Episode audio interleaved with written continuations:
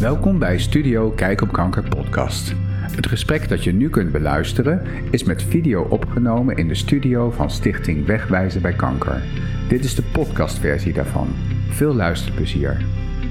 Vandaag in de studio Truus Smit. Zij is verpleegkundig specialist en hier in de regio Zaanstreek-Waterland bekend van de Mama Poli in het Dijklanden ziekenhuis in Purmerend.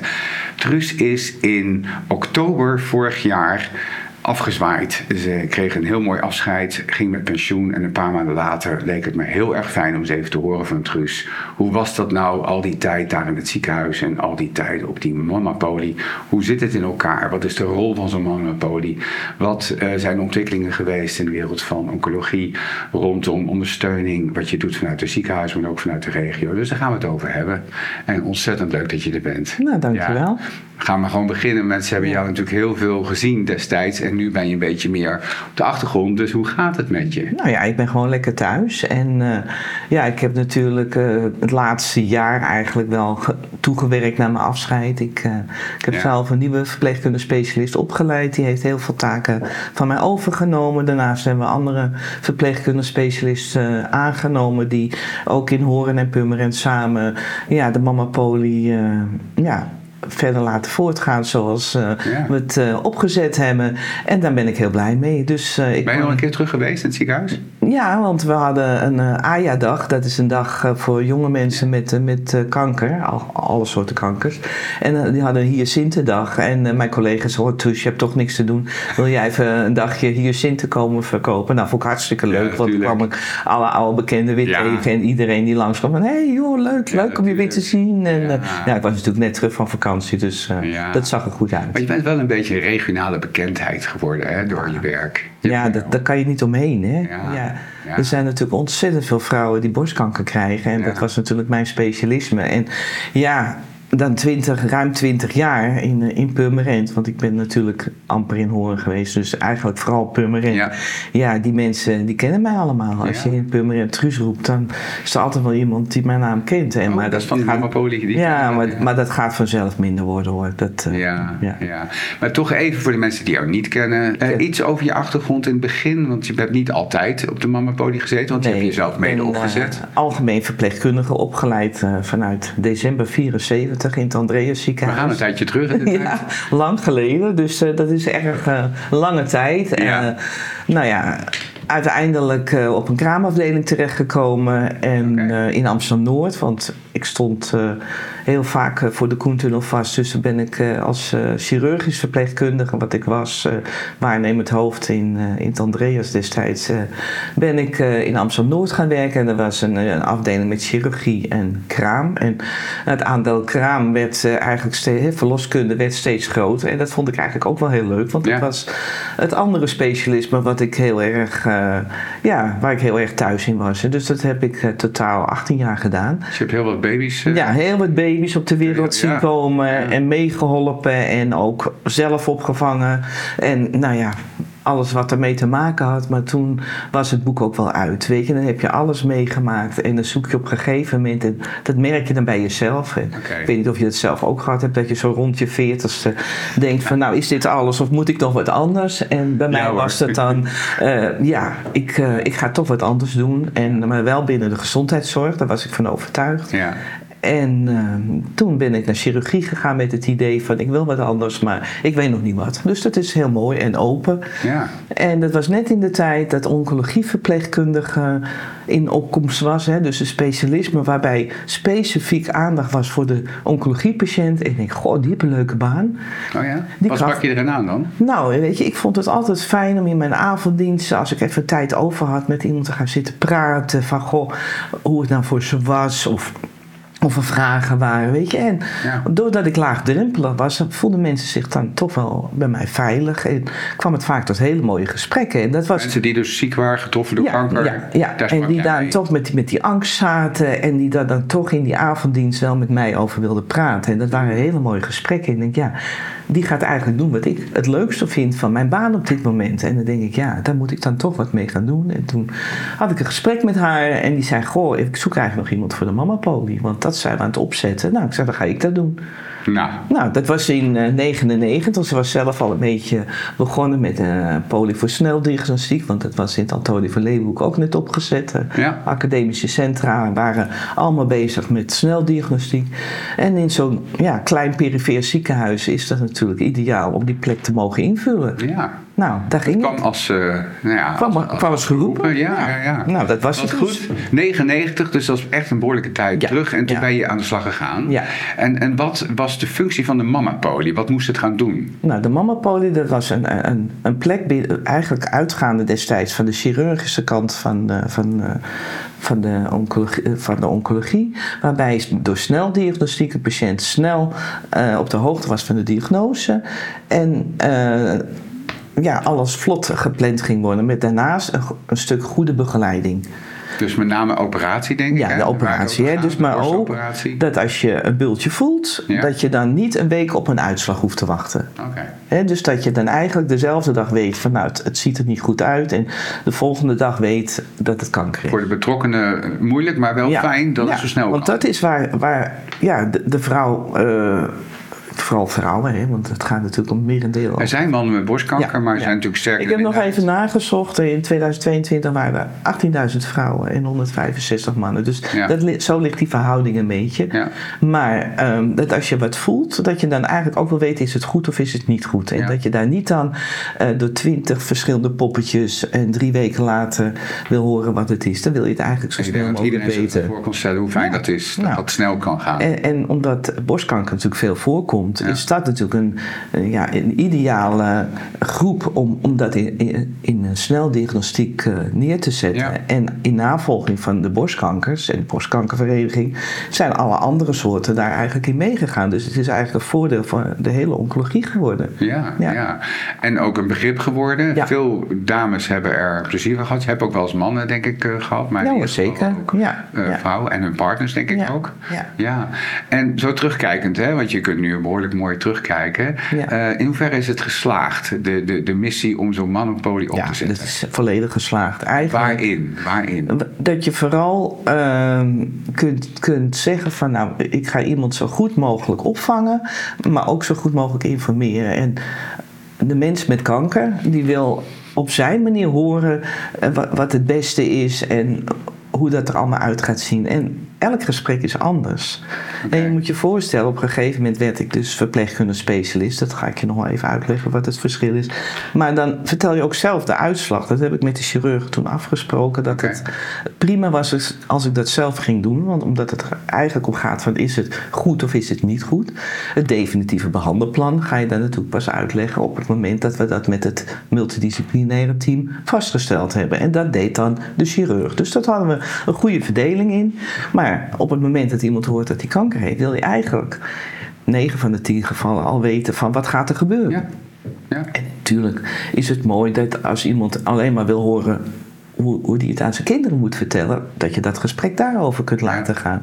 Dus elk gesprek was anders. En Dus, dat waren eigenlijk die gesprekken waar jij daarvoor Ja. al ja. Ja. uit Ja. jezelf mee begon. ja, precies. En, en nu had je ze beroepsmatig en je werkt dus veel samen met de artsen. Ja. Je gaf veel informatie Zeker. en eh, hielp mensen op weg. Ja. En had ook allerlei gesprekken over wat het betekent om kanker te hebben. Ja.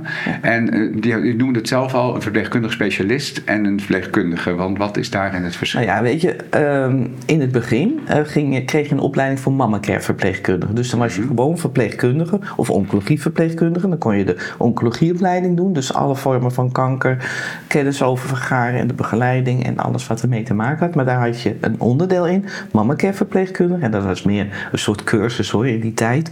Waarbij je dus specifiek eh, naar school ging om kennis over borstkanker te vergaren. Ja. Dus je was eigenlijk specialist op dat gebied. Ja. En omdat ik vrij fanatiek was, wilde ik ook echt alles weten. Dus eigenlijk ook een stuk eh, medische kennis en alle, alle oncologische behandeling. Dus ik was eigenlijk ook voor iedereen een soort vraagbaak Ja. geworden op dat gebied. En ja, daar steek je dan toch een beetje boven het maaiveld uit. En ik denk, ja, het is toch eigenlijk zonde. Dat, en we hadden ons verzameld eh, als netwerk Mamacare verpleegkundig in Amsterdam. Dus eh, in Zandam staat een Mamapoli en in Horen en Purmerend. Maar ook eh, in, in het Andreas, in het Lucas, overal eh, werden soortgelijke initiatieven ontplooid. En we hebben ons toen verzameld binnen het netwerk eh, Amsterdam, IKA destijds, onder IKNL. En dat was, en dat was een prima uitwisseling van kennis. En daar vandaan kwam ik eigenlijk met de gedachte van ja, dit moeten we landelijk doen. Dit is veel beter. Want iemand in Maastricht die heeft misschien al een boekje gemaakt over hoe ga je met Dreen naar huis. En ik ga het maken, weet je. Dus je bent allemaal bezig hetzelfde wiel uit te vinden. Waarom kunnen we dat niet een beetje bundelen en samenwerken? En we hadden ook een, eh, een Mamacare congres. En daar kwamen natuurlijk eigenlijk alle ja, Mamacare verpleegkundigen naartoe. En, en verpleegkundige specialisten. Dus ik kende er al een aantal. Ja. En toen hebben we afgesproken om na dat congres uh, een uurtje te reserveren, wat langer te blijven. Om ehm, ja, eigenlijk een beetje te, ja, te bespreken of dat een landelijke vorm kon gaan krijgen. Nou, we waren eigenlijk met een man of vrouwen dus, met z'n negenen, met, uh, met dezelfde gedachten. En, uh, dat, dat was een uurtje gepiept. Ja, dat was eigenlijk zo gebeurd. Ja, Truus, dan moet jij maar voorzitter worden. Ik zeg, nou joh, uh, ja, dat ja. denk ik niet. Want ik wil eigenlijk, hè, er kwam een nieuwe opleiding uit Amerika, de ANP-opleiding. Ik wil eigenlijk die nieuwe opleiding. Wat opleiding was dat? de, de Advanced Nursing Practice, dus de, okay. de verpleegkundige specialistenopleiding. Maar dan uit Amerika overgenomen. ja, dus dat werd in Groningen opgezet. Minister Borst heeft daar een groot aandeel in gehad. En toen uh, konden verpleegkundigen dus eigenlijk opgeleid worden tot verpleegkundige specialist. En kreeg je een heel groot stuk medische kennis aangedragen.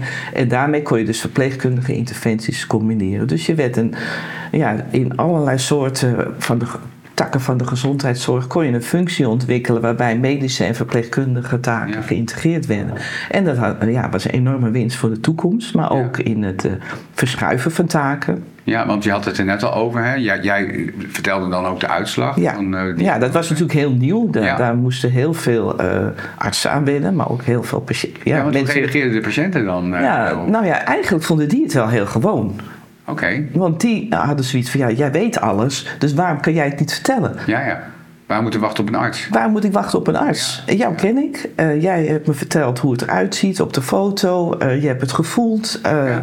Je weet dat er in geprikt is. Waarom mag jij die uitslag van die punctie niet vertellen? Nou, en dat, dat, dat vond ik dus, eerst niet en nu wel. Ja, dan moest ik eerst ergens een, een, een, dokter uit de kast trekken om, om die uitslag te vertellen. Nou, dat, dat was eigenlijk niet zo fijn. Nee, en, dat snap en, toen en hoe reageerden de artsen dan? Nou, de, de artsen waarmee ik werkte, hè, de chirurgen Louise de Wit, Pieter Poortman, die, die vonden dat eigenlijk dat ik dat veel beter kon dan zijn, want ik had daar de tijd voor. Dus jij kan zien hoe een patiënt reageert ja. en wat op dat moment belangrijk is voor een patiënt. Of die het hele behandelplan wil weten of alleen wil weten dat het om kanker gaat. Weet je? En daar zit natuurlijk ontzettend veel tussen. Dat is natuurlijk interessant. Hè? Dat ja. je dus doordat je tijd had, hoor ik, eigenlijk kon afstemmen van wat wil de patiënt eigenlijk weten. Want hoe ging dat dan bij een arts? Nou, Kijk, een arts heeft het in principe 10 minuten ja. voor een patiënt.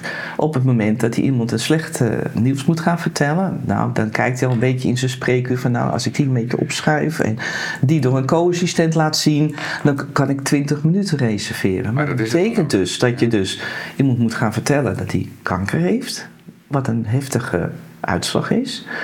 En die patiënt ook, of die, die mevrouw of meneer met kanker moet, uh, moet opvangen. En daarnaast wil je eigenlijk meteen vertellen wat je voor diegene kunt doen. Dat je dat, je dat kunt opereren of dat je dat beter eerst met chemo moet behandelen.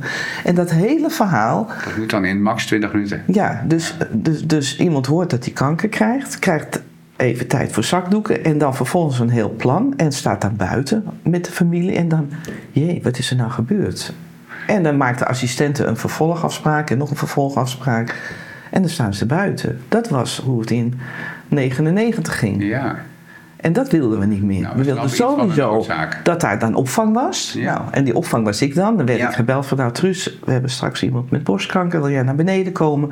En dan nam ik die patiënt mee. En dan ging ik, eh, nou ja, naast zakdoeken ook ja, andere dingen aandragen. Uitleg geven. Een vertaalslag maken. Want er komen het- natuurlijk de vragen en hoe het, dan. en een vertaalslag maken Ja. van het medisch verhaal Nou, Nou, nou Jip en Janneke, naar jou en mij. Ja, en dat waren eigenlijk inderdaad dus die gesprekken dat was mijn kracht. al... Ja, ja, en, en op het moment, nou ja, dat was natuurlijk een groeiproces. Dus toen ik die opleiding gedaan had, nou, toen was ik natuurlijk al zes jaar, hè, want ik ben in 99, 2000 begonnen en in 2003 ben ik de ANP-opleiding gaan doen. In 2005 was ik klaar, dus in 2005, nou toen moest ik er niet aan denken om zelf een uitslag te vertellen, maar in 2006 vond ik het heel normaal. Ja, ja. En ja. dat is een groeiproces Zou geweest. je het winst noemen? Ja, ik kan ja winst, wel ja, winst zeker. Zeker winst uh, voor de organisatie. Hè, want doordat ik al heel veel uit kon leggen, scheelde dat de, de specialist heel veel tijd in, in, in zijn consult. En kon hij zich richten op, of zij richten op hetgene waar het echt om ging.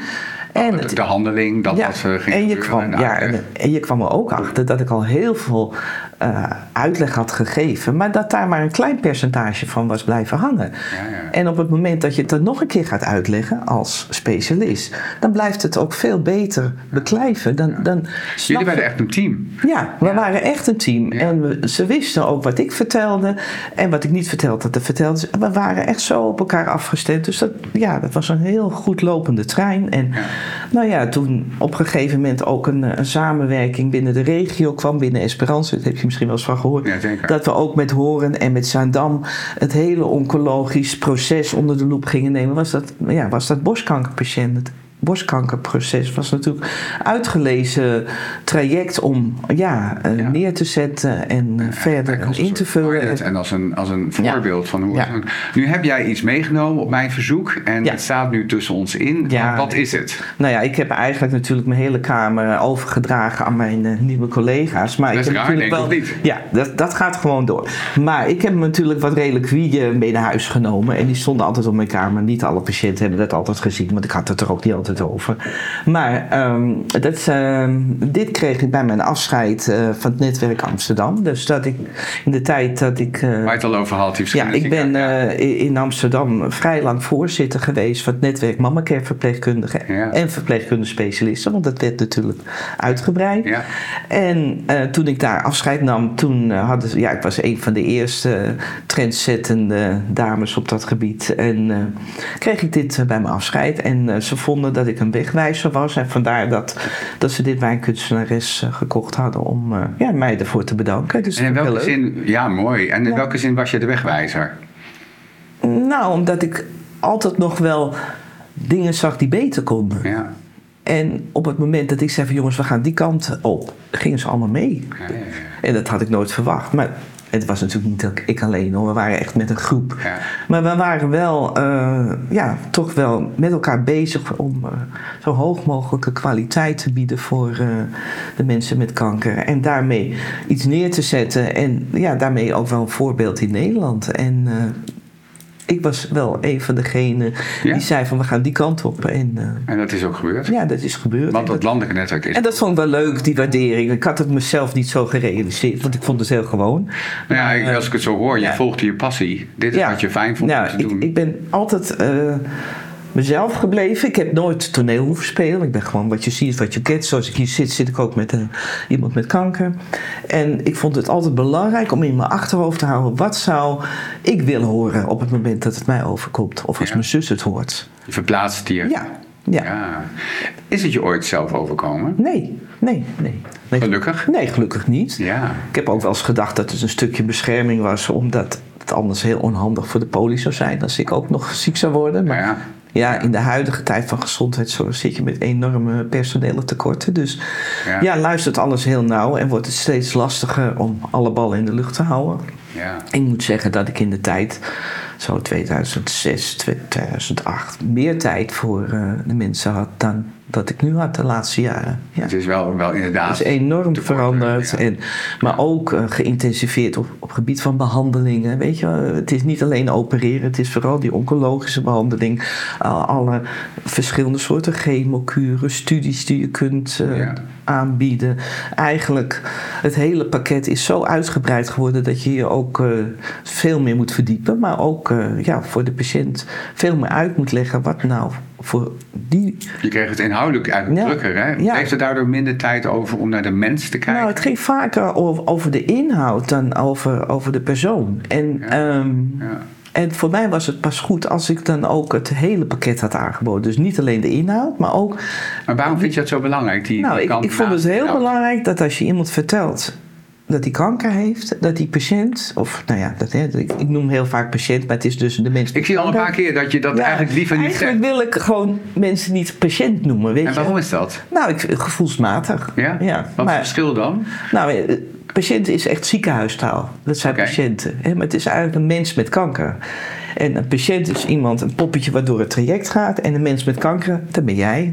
Met je hele ja, systeem eromheen. Met je familie, met je vrienden, met je kennis, met je, oh, ja. met je, met je baan. Met je en dat vind je dan ook belangrijk om uit te drukken in hoe je erover praat? Ja, precies. Dan praat ik over mensen met kanker. Ja, want je hebt een achtergrond. Weet je, iemand die uh, eh, 75 is en nou ja, vrij beperkt in het leven staat, die, die heeft minder last van het krijgen van een, van een, van een borstkanker dan iemand die een, een baan heeft en, en, en een gezin met drie kinderen of ook nog een, een, een, tweede gezin daarna. Weet je, je hebt samengestelde gezinnen, je hebt Mensen. Dan maakt het een hele grote impact. Nou, en dat heeft zoveel impact uh, op jezelf natuurlijk, want het komt altijd onverwachts en onhandig, maar ook op alle mensen die uh, om je heen staan. En dat vond je belangrijk om mee te ja, nemen in, in je werk? eigenlijk vrij snel, ja, ik noem dat uitvolgen, maar je hebt trouwens verpleegkundigen. En dat is de kracht van de verpleegkundige, dat je daar tools voor hebt om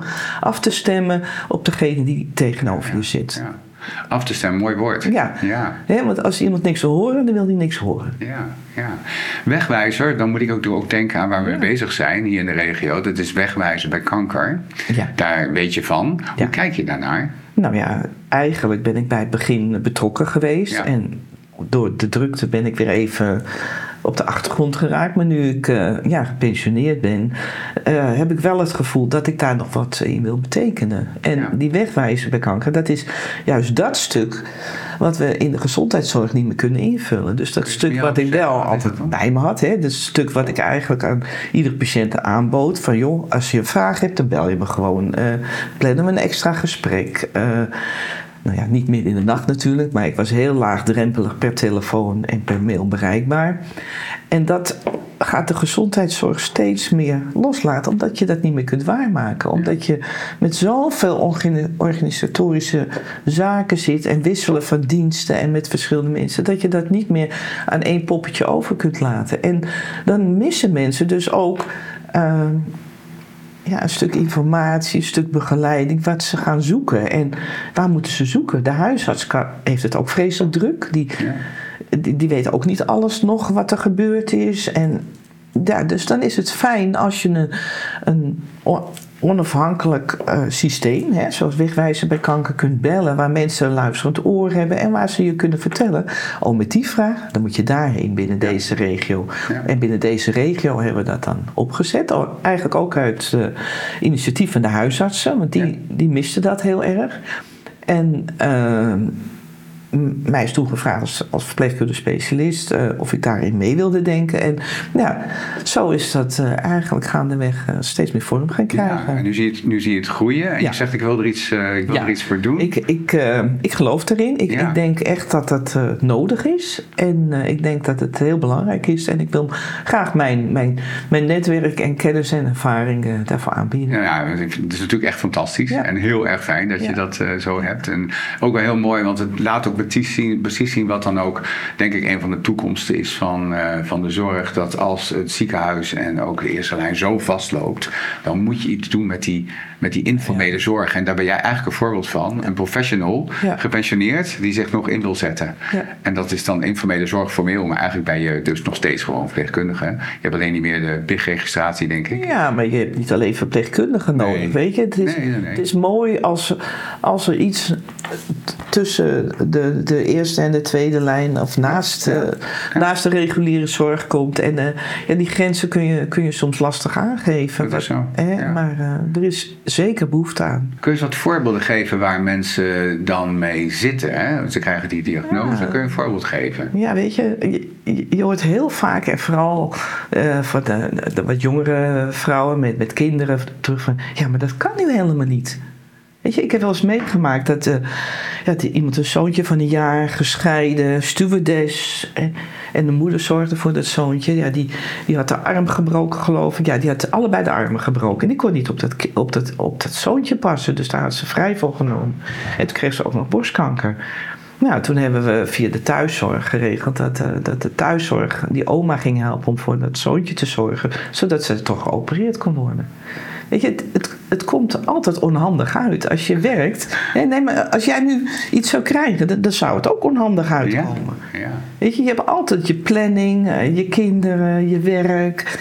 Ja, voor heel veel mensen komt dat onhandig uit. Ik heb wel eens meegemaakt dat iemand zei: Ja, maar Truus, dat kan helemaal niet. Ik ga morgen op vakantie. Mijn man, mijn man is bijna overspannen. Mijn kinderen hebben de toetsen gehaald.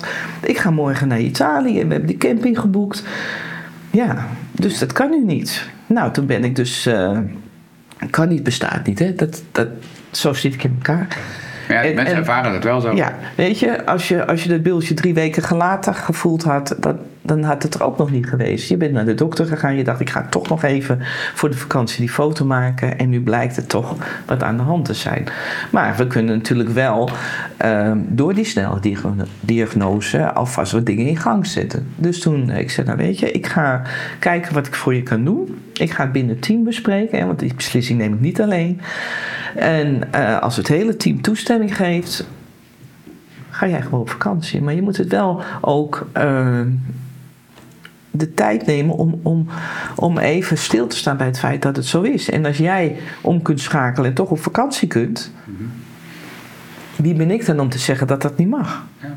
Dus nou, toen ben ik dat binnen het team gaan bespreken. En nou ja, we hebben alle aanvullende scans en, en de operatiedatum hebben we eigenlijk alvast gepland.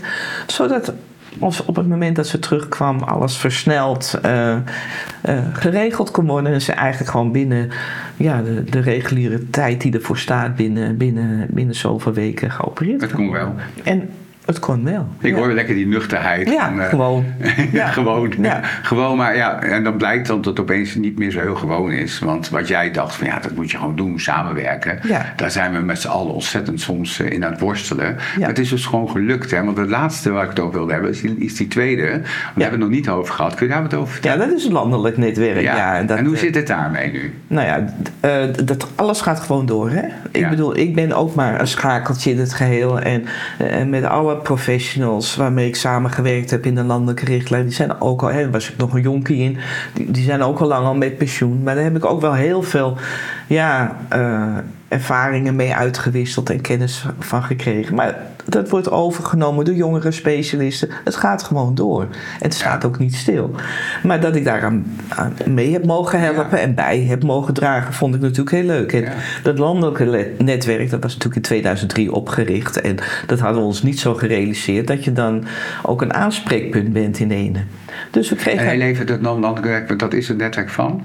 Van, uh, eerst van Mamacare verpleegkundigen in, in Nederland. Dat, dat, viel dan onder de Vereniging voor Oncologie Verpleegkundigen. En er was een apart onderdeel, een SIG Mamacare heette dat. Hè, Want ze noemden dat allemaal SIG, Special Interest Groups. En nou ja, nou, toen werd uh, iets, uh, de, de, borstkankervereniging had een specifieke vraag. Oh, dan kwamen ze bij ons. Uh, Pink Ribbon werd opgericht. Oh, we hebben een adviesraad hebben jullie iemand voor de adviesraad? Uh, nieuwe uh, informatiefolders die werden ontwikkeld. Ja, een landelijk netwerk. Hebben jullie iemand die kan meewerken aan de folder? Het ontstond allemaal vanzelf. Het, het, het, het gebeurde gewoon, maar dat gebeurde in, in twee jaar tijd. Ja. En dat, dat was best lastig, want in die tijd was ik ook met die uh, hele zware masteropleiding bezig. En ja. daarnaast een gezin en van alles. Ja. Maar dat het toen toch nog gelukt is, ja, dat was wel uh, ja, bijzonder. Wat is het geheim daarvan? Waar is dat allemaal gelukt? Hoe, waarom het gelukt ja, is? Waarom, wat is het geheim? Nou, Hoe heb je dat ik denk het geheim is dat je, dat je een goed netwerk hebt. Dat je uh, kunt ordenen en dat je met een groep sterker bent dan alleen. En als je een visie hebt en als je die met een groep uitdraagt, ja, dan ben je in een, een aanspreekpunt. En daarmee kom je weer bij andere professionals die ook een groep zijn. En zo ga je dan samen binnen Nederland een, eh, een landelijke richtlijn maken. Maar de kracht van de verpleegkundige is natuurlijk dat ze dicht bij de patiënt staan. Ja. En dat is een voordeel ten opzichte van alle medisch specialisten. Die, ja. die vaak wel, zoveel. Die wel dicht bij een patiënt staan, maar toch. Ja, ik zie hem dat verschil uh, niet kunnen maken of niet altijd kunnen maken. En op het moment dat je dan uh, bepaalde interventies neerzet in een richtlijn, dan heb ik wel die patiënt in gedachten. En dan zeg je, ja jongens, die keuze die kun je wel voorleggen aan de patiënt, maar kan die kan iemand die keuze wel maken? En moeten we daar niet, ja, weet je, daar zat ik altijd, zag ik daar die, die patiënt naast. En daardoor kon je dus dat stuk eigenlijk mooi aanvullen in de richtlijnen. Dat, dat vond ik heel, heel bijzonder om eh, te mogen doen. Ja. Ik hoor voortdurend het mensstuk terugkomen. En dat snap ik nou eens ook waarom je eigenlijk niet over patiënten wil praten. Het zijn mensen met kanker. Het zijn mensen die gepassioneerd met iets werken en elkaar opzoeken in een netwerk. En opeens gaat dat balletje rollen en gaat dat netwerk groeien. Want je zei, het heet oorspronkelijk het Mama Care Netwerk. Hoe heet het nu, het netwerk? Uh, nou, we hebben natuurlijk uh, onder de VNVN Oncologie uh, de, het, de, specialistische groep Mama Care verpleegkundigen. Maar daarnaast heb je ook het netwerk verpleegkundige specialisten binnen Nederland. Dat zijn er inmiddels natuurlijk ook vele, vele malen meer geworden. Hè. Ik kom nog uit de tijd dat er misschien nog geen honderd waren. En nu zijn het er duizenden. En er worden elk jaar weer meer opgeleid binnen alle takken van, ja. Uh, ja, van, van zorg. Maar binnen de oncologie hebben die zich ook weer verzameld dus het netwerk verpleegkundige specialisten oncologie. En die hebben ook een eigen congres met een, met een voorzitter. En daarbinnen is uh, uh, de groep verpleegkundige specialisten mama oncologie ook weer een aparte groep geworden. Net zoals de long en de urologie. Weet je, zo krijg je steeds meer specialistische groepen. En dat, dat is mooi. Moet wel leuk zijn voor jou om zo terug te kijken. Want jouw loopbaan is in totaal als verpleegkundige hoeveel jaar? Ik ben in 74 begonnen, ja, 74, maar in de dus- oncologie dus, zeg maar vanaf 2000. Ja, ja. 22 jaar, 23 jaar. Ja, Het moet leuk zijn om terug te kijken zo. Ja. En wat, je ervan, terugkijkend? Ja, want ik vind het mooi wat er gebeurd is. Maar je ziet ook dat, dat de mensen met kanker zijn veranderd. Oh ja? Ja, dat vind ik wel. Als je ziet in mijn opleidingstijd, hè, en dan heb ik het over jaren 70. Ja, de dokter vertelde wat er gebeurde en de patiënt, nou, die deed dat braaf. Want de dokter wist het. Ja, ja, ja. En, en hoe is nu de patiënt? Nu gaat de dokter vertellen van nou, dit is mijn plan. Of dit is ons plan, ons multidisciplinaire plan. En die patiënt zegt ja, maar hebben jullie hier aan gedacht? Hebben jullie daar gedacht? in het Antonie van Leeuwenhoek loopt een studie. Pas ik daar niet in? Uh, dat is ook een uitdaging voor artsen, hè? Ja, ja. ja. Vind je het een goede ontwikkeling? Aan de ene kant wel, aan de andere kant ook wel eens lastig. Want mm. ehm, iemand met kanker kan niet. Wij hebben erover nagedacht als professionals wat voor die patiënt de beste keuzes zou zijn. Maar, maar die patiënt die haalt er allerlei dingen bij die er niks mee te maken hebben. Die, die kan het nog niet overzien. Ja. Ook vaak aangedragen door de omgeving. Hè, van je, Is dat ook dan, dan een rol voor die verpleegkundige specialist? Ja, en die kan helpen ordenen. En, en en prima als je naar een specialistisch ziekenhuis wil. Ik bedoel, als iemand, iedereen moet daar behandeld worden waar hij zich veilig voelt. En als dat voor jou in een specialistisch ziekenhuis is, prima. Maar ik denk op het gebied van borstkanker dat je in elk ziekenhuis van Nederland goed behandeld wordt. Nou, dat is in ieder geval een hele mooie gedachte. En en iedereen moet daar behandeld worden waar, waar het goed voelt. En je kunt het helpen ordenen. En je, kan je wijst de weg. Ja, wijst de weg, ja. Ja, mooi. Heel fijn dat je het daar zo willen delen allemaal. Is er als uitsmijter nog één tip die je zou willen geven? Mensen die kijken, die zelf te maken hebben met borstkanker... in de huidige tijd, met wat er nu te bieden is. Wat zou je aanbevelen? Nou, ik zou aanbevelen van uh, luister naar uh, je case manager. Hè, want in, op dit moment heeft elk ziekenhuis van Nederland een case manager die met je meeloopt. Ook al is het niet elke dag bereikbaar, maar probeer je vragen goed te stellen. Blijf bij jezelf en ja, vertrouw erop dat de gezondheidszorg in Nederland goed is. Mooi. En dat ze het beste met je voor hebben. Ja. Mooi. Ja. Dankjewel, Truus. Oké. Bedankt voor het luisteren naar deze aflevering. Wil je de video van dit gesprek zien? Kijk dan op www.wegwijzenbijkanker.nl of op het YouTube-kanaal van Wegwijzen bij Kanker. Playlist Studio Kijk op Kanker. Wil je meer informatie over aanvullende zorg, hulp of ondersteuning bij kanker? Kijk dan op www.wegwijzenbijkanker.nl. Vergeet niet je te abonneren op dit podcastkanaal. Graag tot een volgende aflevering.